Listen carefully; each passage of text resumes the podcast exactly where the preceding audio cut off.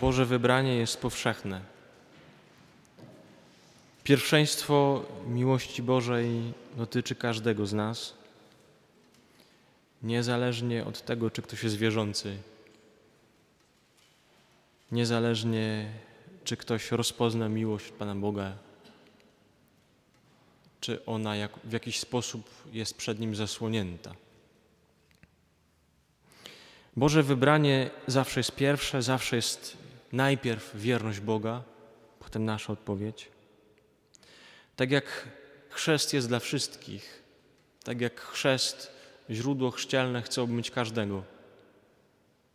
Tak jak rady ewangeliczne wbrew pozorom nie są dla zakonników, bo nazywałyby się radami zakonnymi, a one są ewangeliczne i są dla całego Kościoła. Dziś jest z nami e, i to jeszcze bardziej wybrzmiewa przez chwałę na wysokości Bogu, a jest przecież Wielki Postem, my nawet tego hymnu nie śpiewamy w niedzielę. A dziś jest z nami bardzo ważny mężczyzna, nie zakonnik, nie biskup, a to się wcale często nie zdarza w liturgii Kościoła. Jest królewicz. Tak naprawdę to on rządził Rzeczpospolitą, bo jego tata Kazimierz Jagiellończyk był bardziej zainteresowany wojnami, a dzisiejszy patron większość swojego życia spędził na dworze, rządząc Polską. Między innymi Jan Długosz był jego wychowawcą, czy znany braciom z Krakowa. Jeśli wiecie, co się znajduje w prezbiterium po lewej stronie, teraz zostało odnowione. Płyta Kalimacha.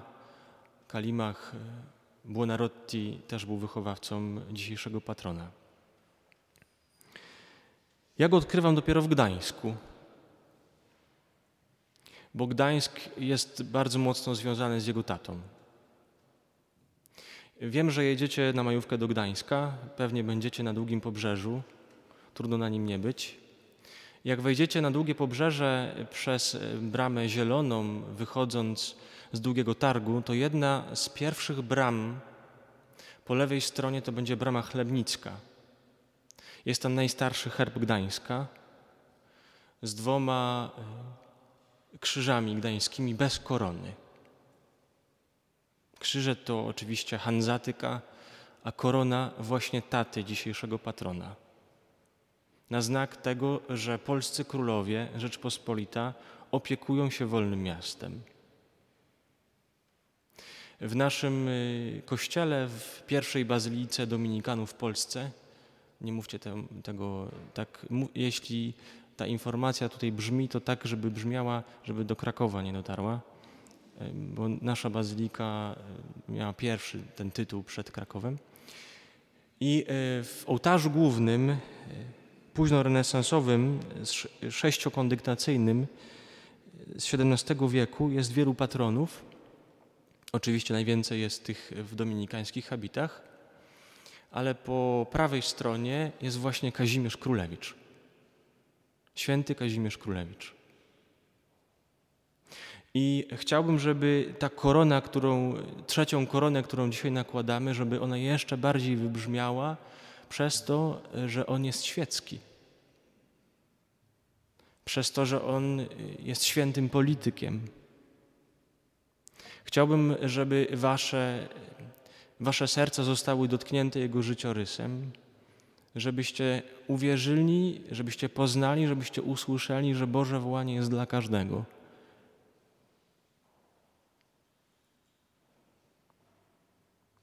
Święty Paweł dzisiaj w liście do Filipian mówi, że najważniejszy jest Chrystus. Że wszystko to, co robi, jest przez to, że odkrył, że najważniejszy jest Chrystus. Że wszystko inne jest nieważne. Że jeśli On jest w środku, Chrystus jest w środku, jeśli Jezus jest centralną osobą w moim życiu, to można iść do przodu.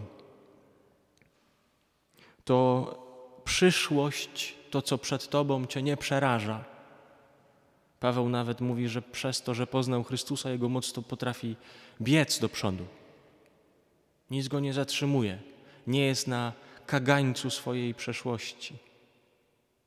Często jest tak, że mamy takie rysy, takie rany, takie dziury w naszej historii, że nie potrafimy ruszyć do przodu. Wiecie, Kazimierz Królewicz też miał taki, taki moment w swoim życiorysie. Był bunt na Węgrzech i już prawie miał koronę węgierską. W sumie to Węgrzy powiedzieli: chodź do nas, to my ci tą koronę damy. I pojechał. Okazało się, że to wcale nie było tak kolorowo. I to jest jeden z takich momentów w jego historii, który bardzo przeżył. Trochę się pozamykał, ale nie tak, żeby nie był święty. I słuchajcie, to jest jeden z takich świętych, podkreślam to jeszcze raz, nie zakonnik, nie biskup, królewicz, przyszły następca tronu Rzeczpospolitej. I tak jego, jego tata go przygotowywał. Na tyle on potrafił się otworzyć na Jezusa Chrystusa, że widzieli to nie tylko dworzanie i ci, którzy z nim pracowali. Jan Długosz był pod wielkim jego urokiem. Są notatki Długosza, który się zachwyca jakimś, jakąś niezwykłą wewnętrzną mądrością i czystością tego człowieka. Ale no, wiadomo, że pewnie ci zewnątrz ludzie nie mają dostępu do takiego życia rodzinnego, do takich bliskich relacji i pewnie często się tak zdarza, że ci, którzy nas tak blisko nie znają, mają o nas lepsze zdanie niż ci, którzy z nami żyją na co dzień. Hmm. Ale brat dzisiejszego patrona, świętego Kazimierza Królewicza, też wam dobrze znany chociażby z naszych polskich banknotów, Zygmunt I Stary, to jest jego brat, musiał dobrze znać swojego brata i to on rozpoczyna, słuchajcie, na jego prośbę rozpoczyna się proces kanonizacyjny jego brata. On to w domu, on to na dworze musiał rozpoznać, że, że to jest jej, że ja żyję obok świętego, że on się tak otworzył na, na łaskę Pana Boga, że nawet najbliższe osoby nie miały wątpliwości, że Kazimierz stał się jakiś przeźroczysty na, na Jezusa, że to było, promieniowało to z niego. I taki człowiek, który pozwala Jezusowi wejść w życie, taki człowiek, który rozumie go jako pewną centralną, osobową rzeczywistość, nie tylko, że nie boi się swojej przeszłości, nie tylko nie boi się swojej przyszłości, ale jest człowiekiem pełnym radości. Nie ma nic gorszego i papież Franciszek to często powtarza niż chrześcijanin smutny i sfrustrowany. No z takimi ludźmi to się nie chce być. Są tacy chrześcijanie, którzy chodzą bardzo często na Eucharystię, do różnych tam duszpasterstw, odmawiają tysiące modlitw, a są tacy smutni, że nawet prawda, wiatry na molo w Sopocie mu nie pomogą. Z takimi ludźmi się po prostu nie chce być. Tacy ludzie odpychają. Skąd się bierze więc ta radość, o której dzisiaj mówi Jezus? Ta radość wypływa z wzajemności. Że miłość ta nie jest samotna. Że ta miłość jest w ciągłych relacjach. Że ona jest ciągle zasilana, ciągle jest karmiona.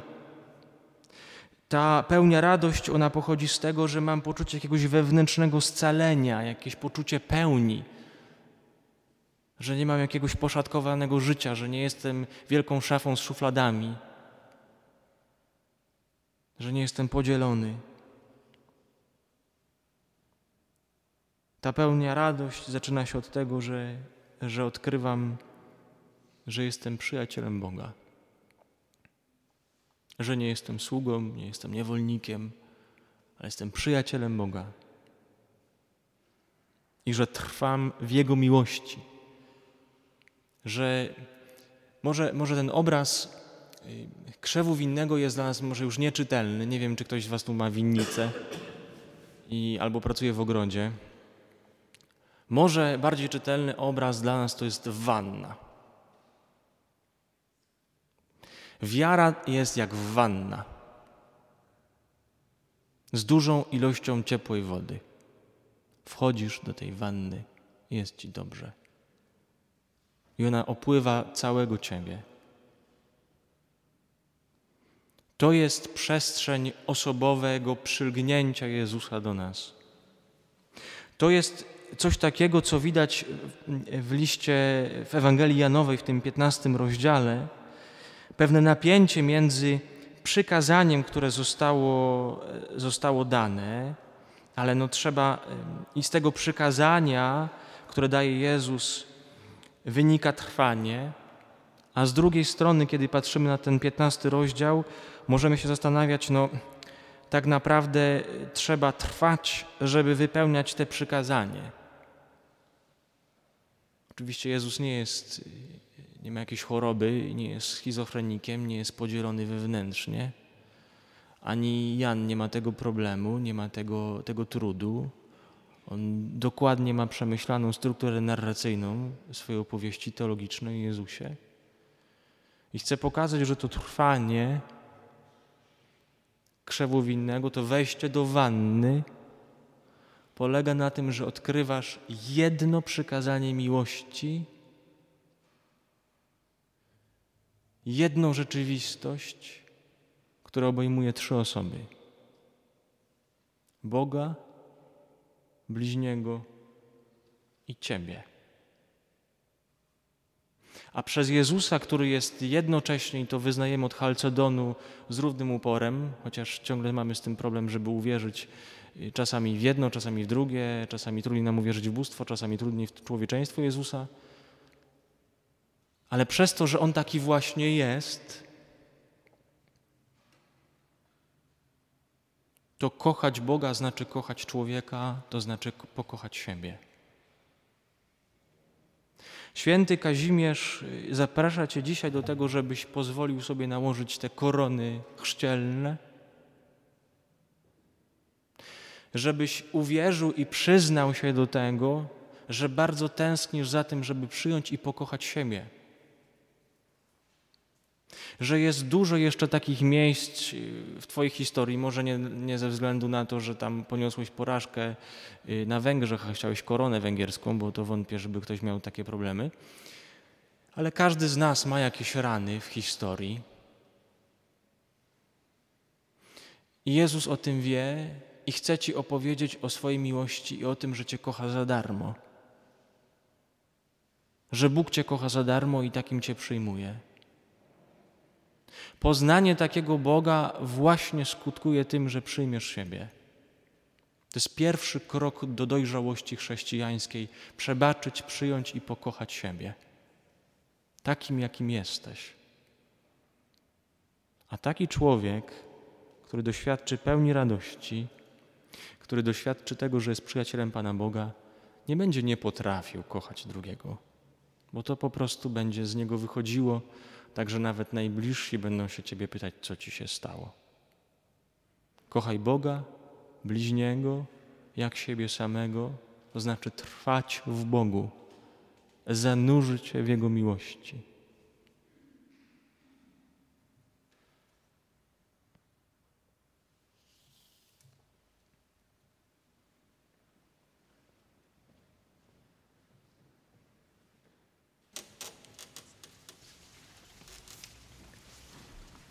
Wszystko na to wskazuje, że jak wy będziecie w Gdańsku, ja będę na kajakach, ale i na kaszubach, na kajakach, ale możemy się umówić tak, że jak będziecie w Gdańsku, przy bramie chlebnickiej, to robicie nam zdjęcie i wysyłacie na nasz profil górkowy, żeby potwierdzić, że właśnie byliście przy bramie chlebnickiej, przy najstarszym herbie Gdańska jeszcze bez korony taty dzisiejszego patrona. Król, kapłan, dzisiaj prorok. Prorok powołany, prorok widzący, prorok to usta Boga. Już egzegeci się i, znawcy Pisma Świętego, historii narodu wybranego się troszkę kłócą. Niektórzy uważają, że już w czasach patriarchów można mówić o urzędzie prorockim, ale na pewno y, wszyscy się zgadzają, że jest to zupełnie nowa instytucja religijna, która nie była spotykana wcześniej u ludów ościennych. Dwie grupy y, proroków, prorocy samotni, y, tacy jak na przykład Eliasz z Tiszbe, tacy jak na przykład Jeremiasz, albo prorocy bardziej związani zawodowo, instytucjonalni, prorocy dworscy. Na przykład Dawid, król przy sobie ma takich proroków jak Gata, jak Natana. Wzrost znaczenia proroków na pewno mm, wzbiera, przybiera po czasach wygnania do Babilonu. Oni razem z kapłanami stają się taką, takimi kastami dominującymi. Prorok to ten, kto obwieszcza wolę Pana. Skoro to robi, to zakładamy, że słucha Pana, że potrafi jakoś wejść z nim w komunikację. Ja no, jestem takim trochę wrednym spowiednikiem, na szczęście tutaj Was nie spowiadam. I, I trochę wybijam ludzi z takiego y, no, że przyjdzie do, do księdza i teraz ksiądz masz problem, spowiadaj mnie. Ja bardzo lubię zadawać pytania i czekam na odpowiedź. I między innymi takim pytaniem, jak ktoś mówi o modlitwie, to ja mówię, a co to jest modlitwa? No, że modlitwa to jest rozmowa z Panem Bogiem.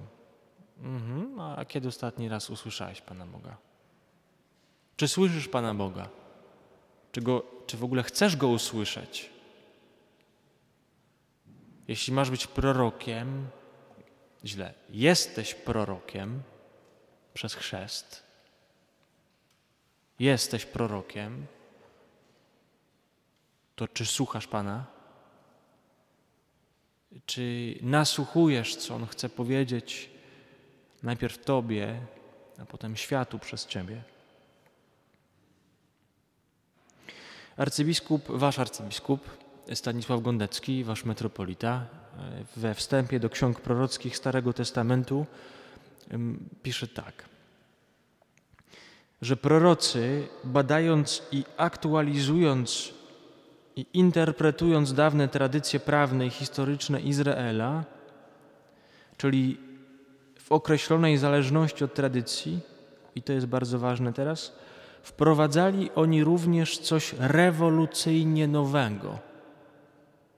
Coś, co uchroniło religię izraelską od skostnienia i sprawiło, że stała się religią zarodkową, a Izrael ludem rozrodczym w sensie religijnym. Prorok ma w sobie jakiegoś ducha rewolucyjnego. Prorok ma coś takiego w sobie, co papież Franciszek powiedział, że się nie zgadza na muzeum Kościoła. I nie dociera do niego takie zdanie, które często się pojawia w naszych wspólnotach zakonnych, u Dominikanów często dość.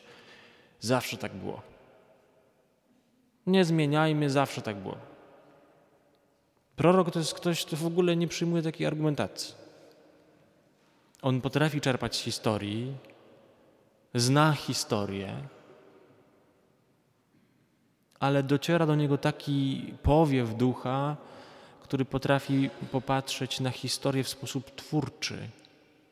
Historia to nie muzeum, historia to nauczycielka. Historia to kopalnia kamieni, z których się buduje nowe gmachy. Prorok to jest ktoś, kto przepowiada, i te przepowiadanie jego jest związane ze znakami znaki, które miały doprowadzać do nawrócenia i opamiętania. Często prorok te znaki robi na sobie, sam jest znakiem, robi różne dziwne rzeczy i ludzie się pytają, a, a co to w ogóle, co ty robisz? I wtedy ludzie mówią, aha, no to, to teraz rozumiemy. To jest trochę to, co papież podkreśla. My nie jesteśmy, nie mamy wchodzić w jakiś prozelityzm. Ty masz nawracać w taki sposób, że, że Twoje życie jest takim znakiem, taką inspiracją, że ludzie Ci się zaczną pytać, dlaczego tak masz? Skąd to masz? To nie chodzi o to, że będziesz teraz po Poznaniu chodził z wielkim sztandarem i krzyżem, bo to najczęściej kończy się tak, że ktoś tym krzyżem dostanie po głowie, ale masz być zwyczajnym obywatelem swojego miasta, ale mieć jakąś taką iskrę wokół i z taką życzliwością wykonywać codzienne gesty, że ktoś ci się w końcu zapyta, możemy porozmawiać, a dlaczego tak masz? Skąd ty bierzesz siłę na to? To jest trochę to, co jeden z siedmiu pierwszych diakonów, to też jest spór, czy to był diakonin, mhm, ale Filip, to jest w ogóle dla mnie, Filip jest przykładem, jak się powinno ewangelizować.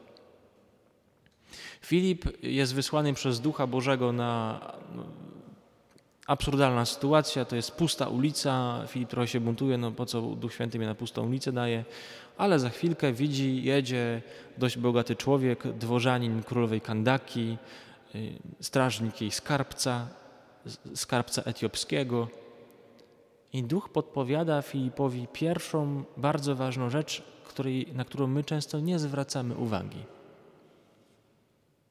Przyłącz się do wozu. Bądź przy tym człowieku. Wejdź z nim w relację. Bądź takim chrześcijaninem, którego się da polubić.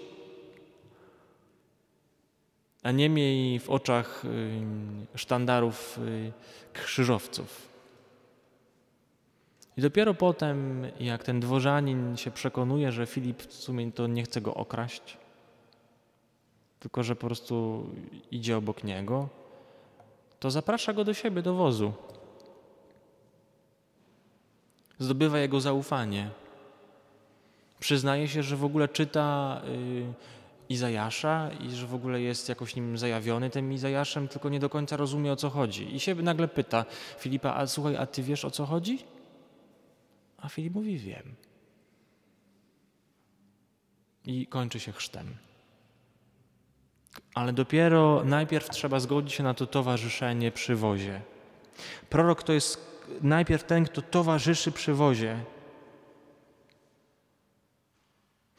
Prorok to jest ktoś, kto nie boi się mówić swoim życiem i odwoływać bardzo jasno do osobistego doświadczenia, doświadczenia Boga.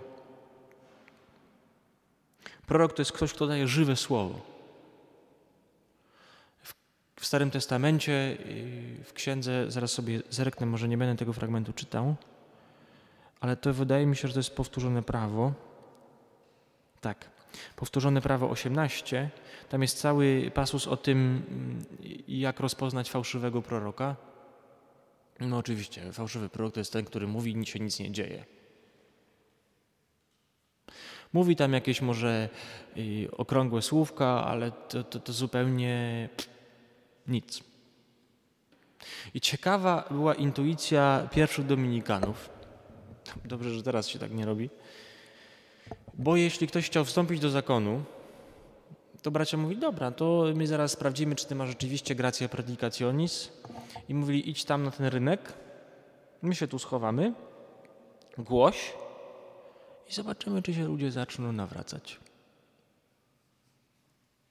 Bo jeśli będziesz mówił i to będzie dotykało ludzkich serc, to znaczy, że, że masz to co my.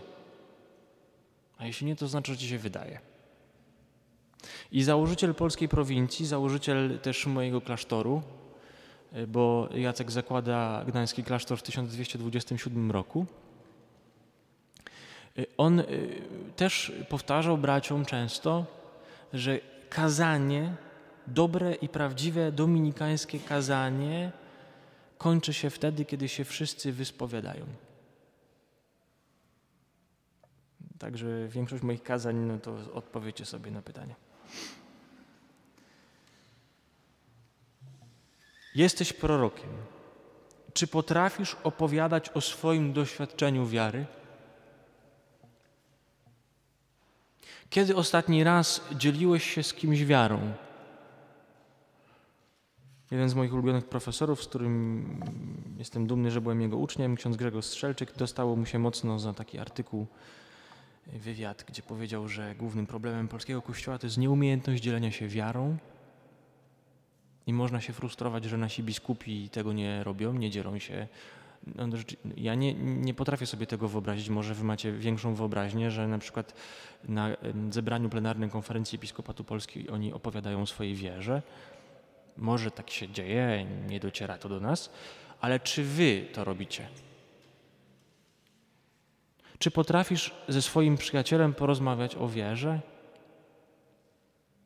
Czy jak idziecie, nie wiem, na kawę, na piwo, to czy, czy to jest. Wiecie, kiedyś mam nadzieję, że u Was jest tak w duszpasterstwie.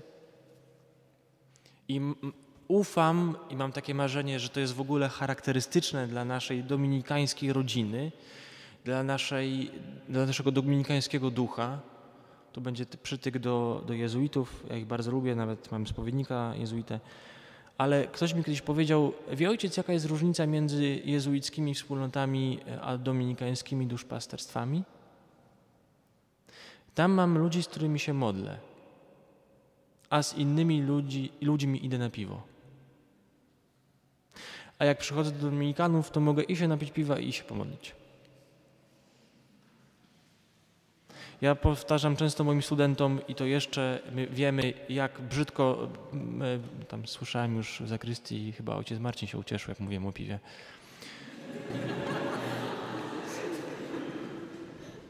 Tak? Tak. I słuchajcie, i to jest tak, że y, my mamy też wiedzieć, dlaczego te piwo jest dobre. Wczoraj z ojcem Marcinem mnie zabrał na bardzo dobre piwo.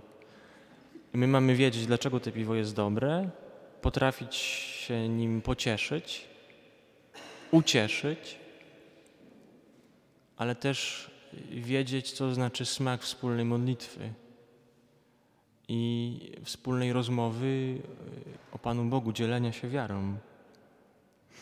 Prorok to jest ktoś, kto nawołuje do zintegrowania wszystkich dziedzin życia.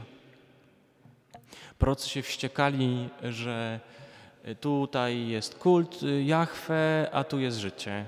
Zobaczcie, że tak bardzo często wygląda nasz katolicyzm, polski katolicyzm. Do kościółka przychodzimy w niedzielę, ale już od poniedziałku do soboty jest życie. Nie, życie chrześcijańskie, liturgia chrześcijańska, to co mówiłem wczoraj, nie ma sakrum i profanum. To jest wszystko jedno. Ty przychodzisz zjeść Jezusa, tak naprawdę On Ciebie je, żebyś mógł wyjść z Nim na zewnątrz. Dlatego tak ważne jest, żebyśmy mieli życie scalone. Nie mamy jakichś szufladek na ducha, na psychikę i na ciało. Dojrzały chrześcijanin wie, że to wszystko ma i, i dojrzewa razem to wszystko w nim. Są takie przykre sytuacje, kiedy ktoś przychodzi i mówi, no i to ma na oko osoba no 60 lat, 40 lat, 73,5 i mówi, że no nie odmawia paciorka, nie chodzi do kościółka i nie modli się do Bozi. No i właśnie i spotykam się z, fizycznie z osobą dorosłą, ale w środku słyszę dziecko po pierwszej komunii. I tak się czasami w nas dzieje, że są jakieś karły w środku. Nie róbcie tak. Trzeba, żebyśmy dojrzewali cali w środku, razem. Jezus przez to, że jest taki, jaki jest, jest i Bogiem, i człowiekiem, zaprasza do ciągłego scalania nas, do dojrzewania wszystkich przestrzeni w nas. Jeśli wpuszczasz światło Jezusa w swoje życie, to będziesz dojrzały i emocjonalnie, i fizycznie, i duchowo. Tak z nami robi Jezus. Krytyka religijnej obłudy, która towarzyszyła prorokom, to jest też pewna pewność że to nie chodzi tylko o jakieś rytualne czynności, że to nie jest jakieś zamadlanie, Że zbawienie nie polega na tym, że ja przyjmę, zbiorę podpisy z pierwszych piątków miesiąca. I bardzo lubię tak robić, jak przychodzą w Gdańsku tacy zestrachani do zakrystii młodzi ludzie z tymi indeksami i, i proszą o podpis i ja wtedy mówię, a wiesz o tym, że to, tego nikt nie będzie sprawdzał w niebie? I bardzo lubię patrzeć na, na ich twarze. No bo to nie o to chodzi. To nie o to chodzi, i, i, ile i czy, czy chodzisz regularnie do Dominikanów, nie? Bo to, to też nam grozi. A ja do Dominikanów chodzę. No to już mam w ogóle bonus. Hmm, ciekawe. Prorok to ktoś, kto jest świadomy, że będzie musiał samym sobą zaświadczyć o Bożym wezwaniu. I często to boli. To często jest, y, wywołuje cierpienie, niezrozumienie. Najtrudniej, wiecie, jakie są najtrudniejsze rekolekcje? W naszych klasztorach i do naszych braci. Najtrudniej się mówi do swoich.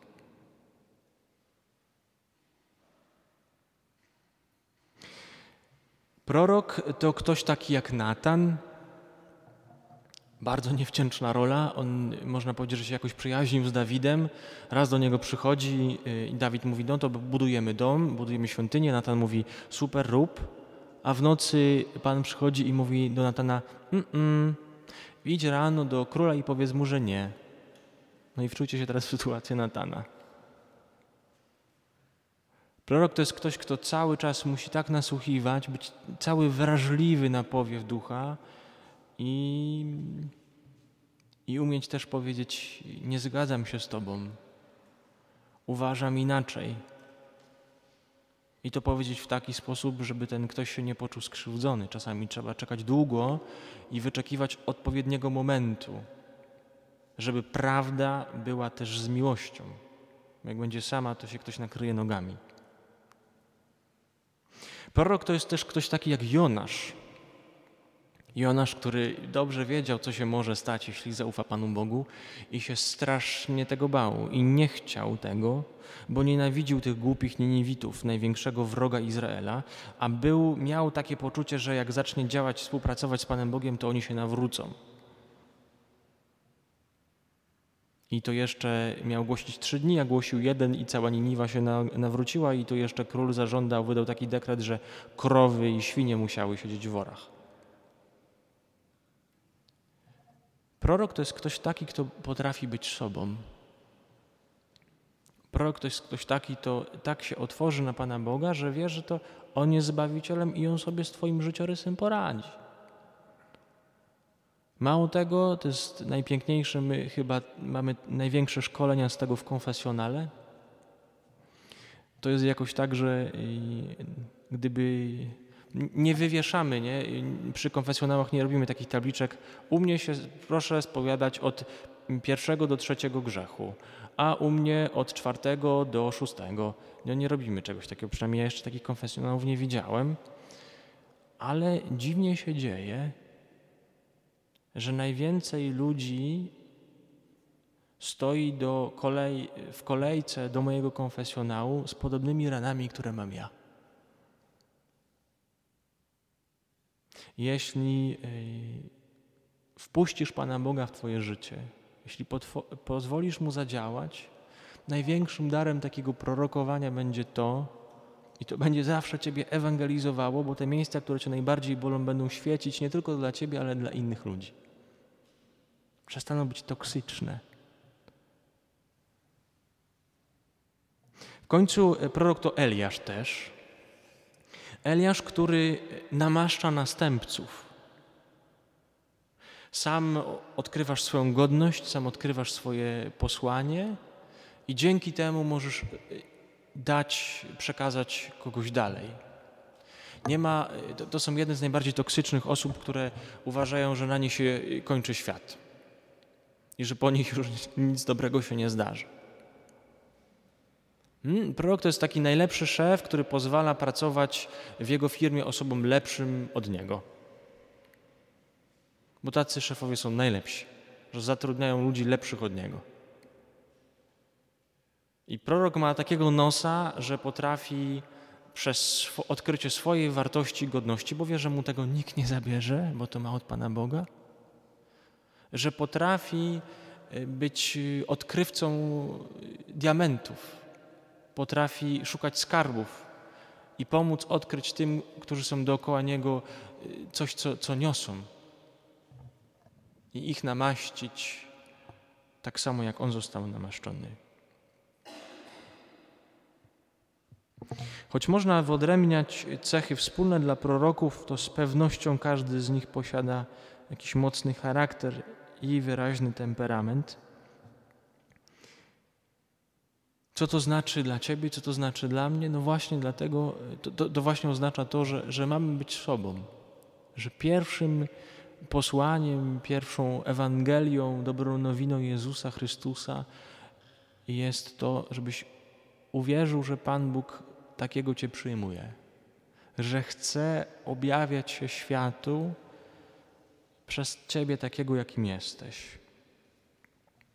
Bardzo Was proszę, żebyście się przejęli tym darem proroctwa, bo wiecie, y, papież Franciszek, jak mówi o robieniu rabanu, boję się, że to spadnę z tego to, y, to bardzo często mówi o tym robieniu rabanu dwóm grupom w kościele. Zakonnikom mówi, że jesteśmy na pierwszej linii i to myśmy powinni robić raban, ale też mówi studentom i ludziom młodym. A tu macie kombo, bo jesteście u zakonników i jesteście młodzi. Więc jak, jak wy nie odkryjecie tego daru proroctwa i nie będziecie tym żyć, to kto to zrobi? I dlatego na koniec, zanim wejdziemy w modlitwę jeszcze, to chciałbym y, Wam przeczytać mojego ulubionego jezuitę. Y, chciałbym przeczytać kilka jego zdań. Ja to potem wrzucę też na fejsa. Może uda mi się zdobyć y, zdjęcie z mojego chrztu i to też będzie taka prowokacja do tego, żebyście obok swojego zdjęcia ze chrztu wkleili datę chrztu. Posłuchajcie proszę papieża Franciszka.